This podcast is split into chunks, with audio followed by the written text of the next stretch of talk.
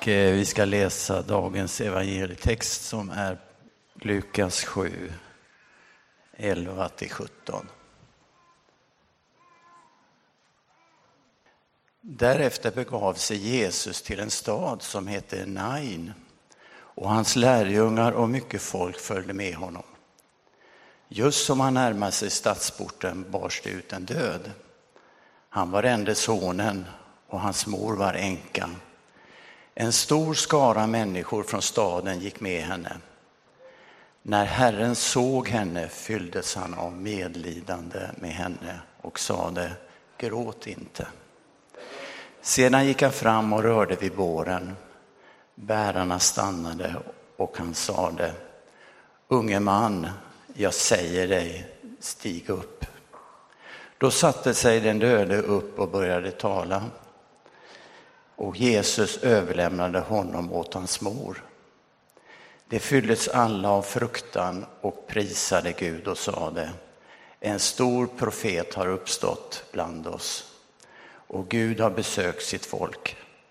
Detta tal om honom spred sig i hela Judeen och landet däromkring.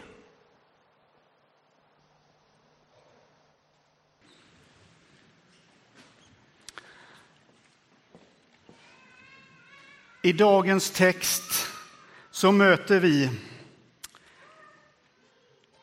en helt osannolik vändning.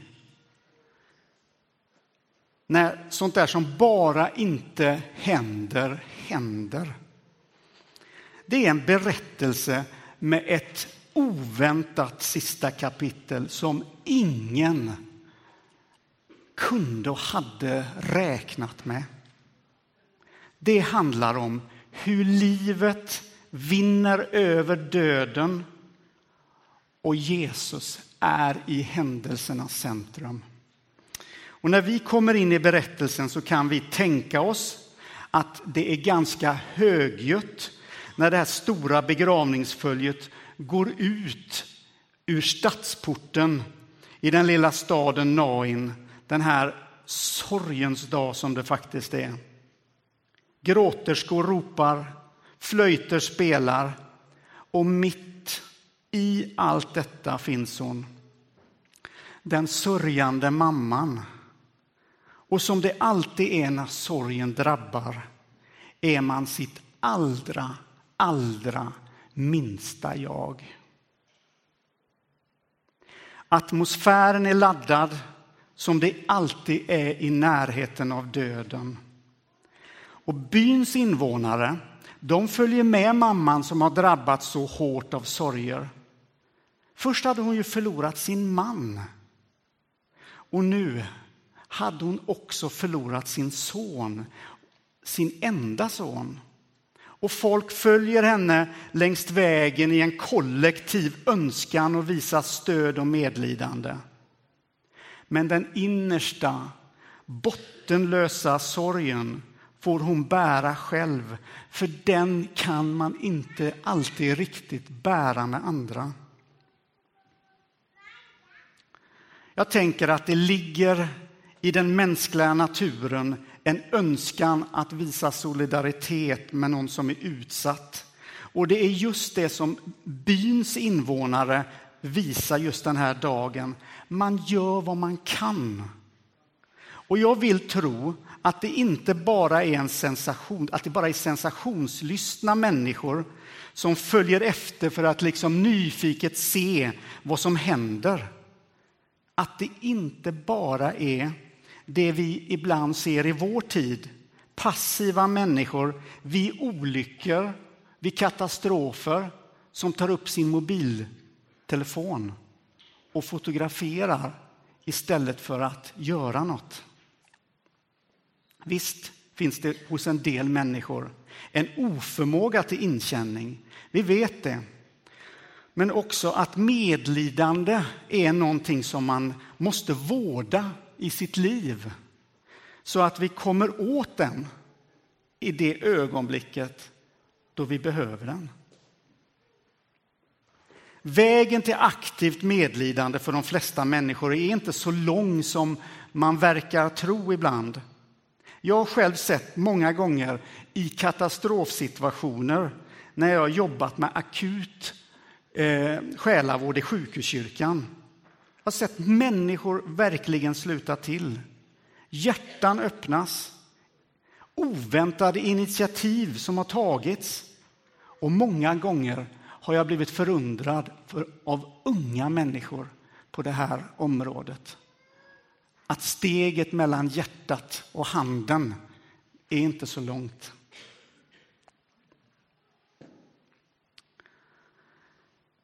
När den lilla döda pojken Allan Kurdi spolades upp på en strand i Turkiet förra året hände någonting i kopplingen just mellan känslan och handlingen hos många människor i Sverige. Man gjorde någonting. Jag tror att djupt inne i människan så finns det en godhet, en förmåga att göra gott när tillfälle ges. Men den här inkännande godheten, den är som en muskel som vi måste träna. För den kan både expandera och bli större, men den kan också bli mindre. Och det har vi ju sett ibland i vårt land idag. De alla människor som går i begravningsföljet i vår berättelse här kan i stunden inte göra så mycket för den som sörjer. För vad kan man göra mer än att vara närvarande? Vad kan man göra mer än att visa närhet? För den förtvivlade kvinnan hade allt hopp gått förlorat. Och man kan fråga sig hur mycket ska en människa behöva vara med om? Egentligen. För hon hade ju inte bara förlorat hela sin familj. Nu väntade en mycket osäker framtid på henne. För som ensam kvinna i den dåtidens samhälle så var det inte lätt utan en man. Hennes position förändrades. Så det var väldigt, väldigt oklar framtid. Så det var, inte, det var inte nog med det hon hade gått igenom. Sociala konsekvenser väntade henne. Men nu var kapitlet, det sista kapitlet skrivet. Punkten var satt. Boken var igenslagen. Och kanske finns det igenkänningspunkter mellan dig och den här kvinnan. Känslan att det inte finns något mer kapitel att skriva. Att punkten är satt.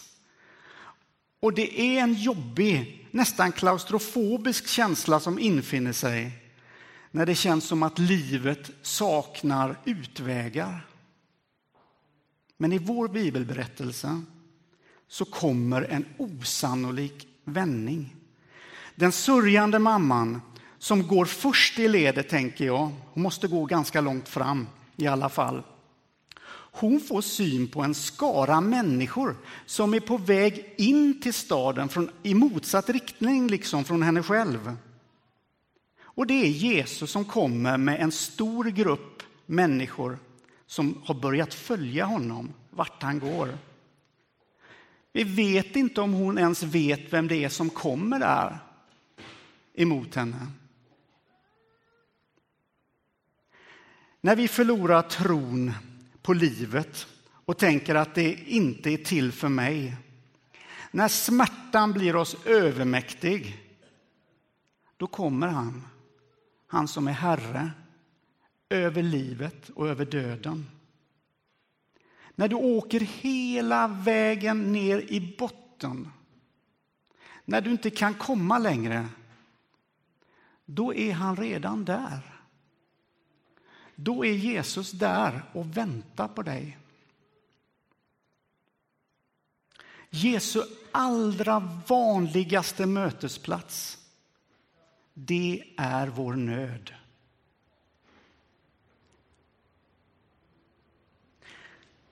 När Jesus kommer fram till den sörjande mamman så läste vi att han fylls av medlidande över hennes situation. Han går inte liksom förbi. Han låter det inte bara stanna vid en medlidsam blick som många av oss gör när vi möter tiggare i stan. Han går inte heller förbi det som är sorg och smärta i någon enda av våra liv. Han stannar också vid dig. Ofta när Jesus gör under i evangelierna så har någon sökt upp honom för att få hjälp. Man har i någon mening visat handlingskraft. Och så responderar Jesus på den handlingskraften. Det är, en, det är som ett vanligt sätt. Jag tänker på vännerna som firar ner eh, sin kompis, tar upp ett hål i taket och ner med sin lama kompis till Jesus.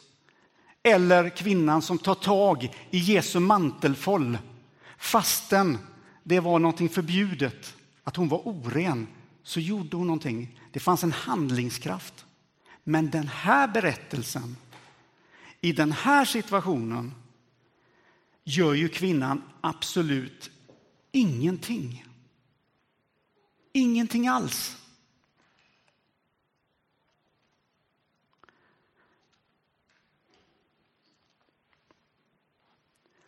Här är det helt och hållet Jesus ensam som handlar.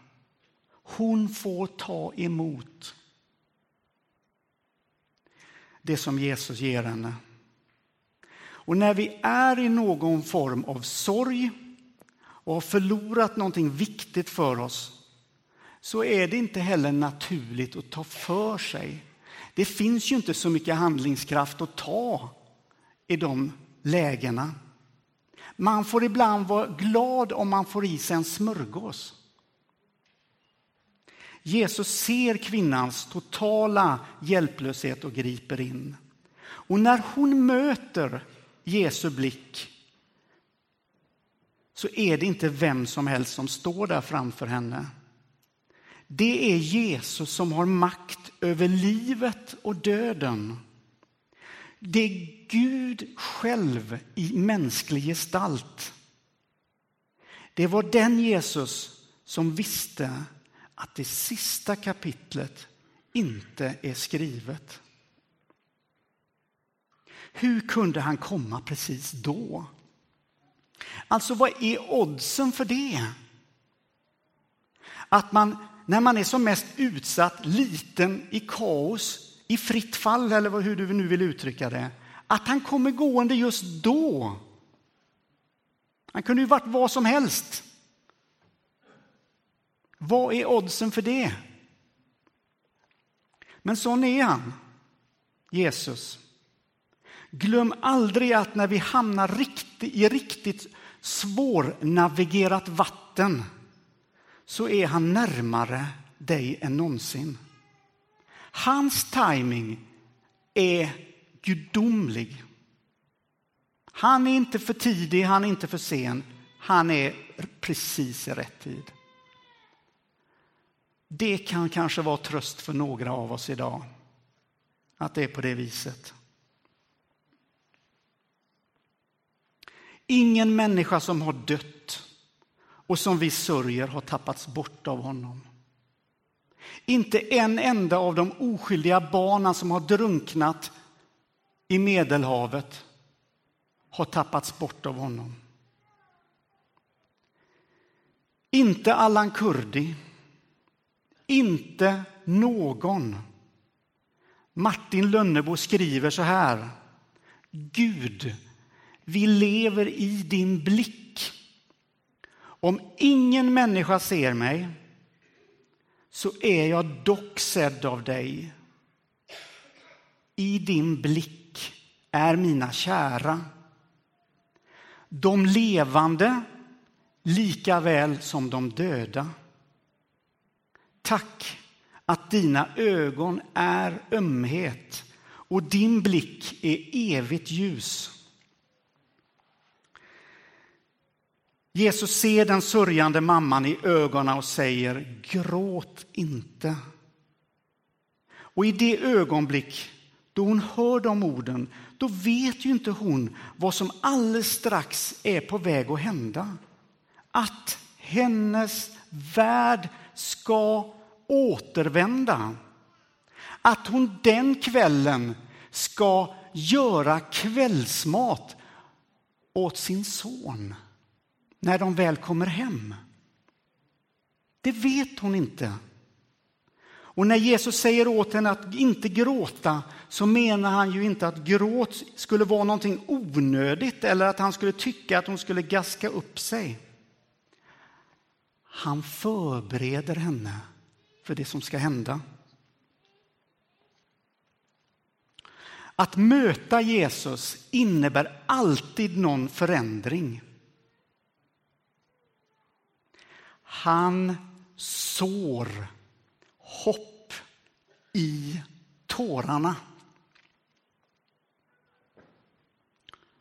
Han sår alltid hopp i tårarna.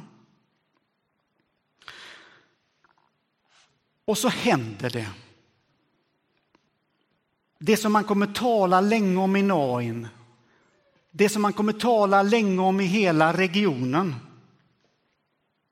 Jesus manifesterar sin makt över döden när han går fram till båren och väcker upp pojken ifrån de döda och för honom tillbaka till mamman. Men det ligger också en större sanning förborgad i den här händelsen. Det är någonting som är djupt hoppfullt och som den kristna tron vilar på och hämtar sin kraft ur.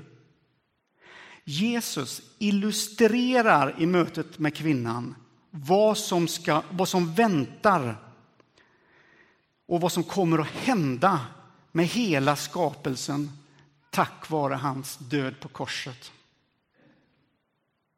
Man skulle kunna säga att vår text är som en filmtrailer som vi bara ser en liten del av fram till att filmen går upp på duken, den stora filmen.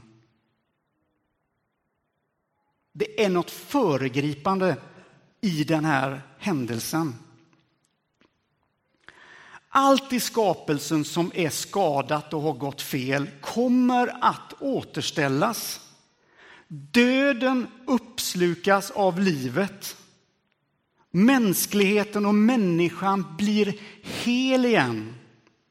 Och det som har slitits isär kommer att föras samman igen. Och det där bottenfrusna kommer att tina upp. Gud har inte glömt barnen som drunknat på Medelhavet. Eller de som inte längre orkar leva.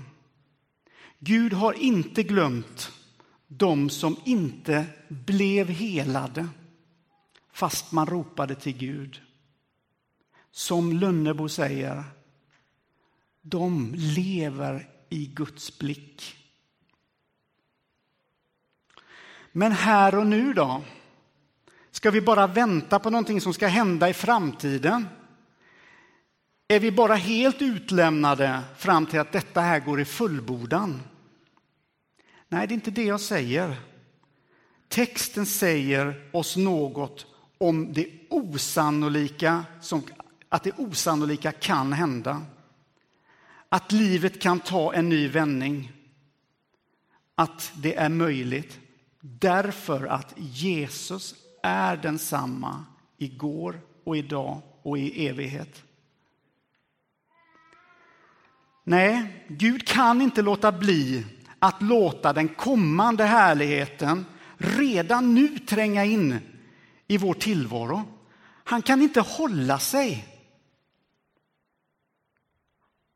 Så ivrig är han att visa kärlek och ömhet till mänskligheten. Han gör trasigt till helt redan här och nu. Sån är han bara. Att vara kristen det betyder inte att allt svårt plockas bort ifrån oss. För det vet vi i vår erfarenhet att så är det inte riktigt. För vi lever i den här världen. Men det finns alltid hopp där Gud är. Och Bibeln talar tydligt om att Gud är här. Han finns och vill göra gott.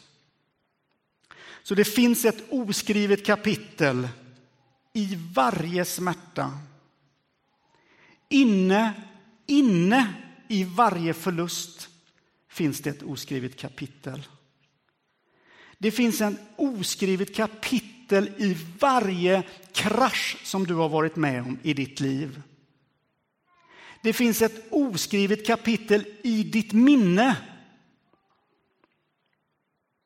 Det finns ett oskrivet kapitel i varje familjesår, i varje relation. Det finns ett oskrivet kapitel som väntar på att bli skrivet. Och Jesus kom till den sörjande kvinnan i Nain. Det mötet lär hon aldrig glömma när Jesus kom med en osannolik vändning.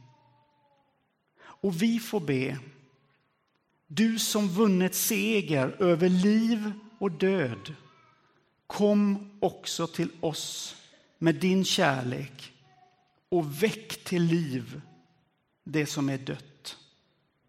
Amen.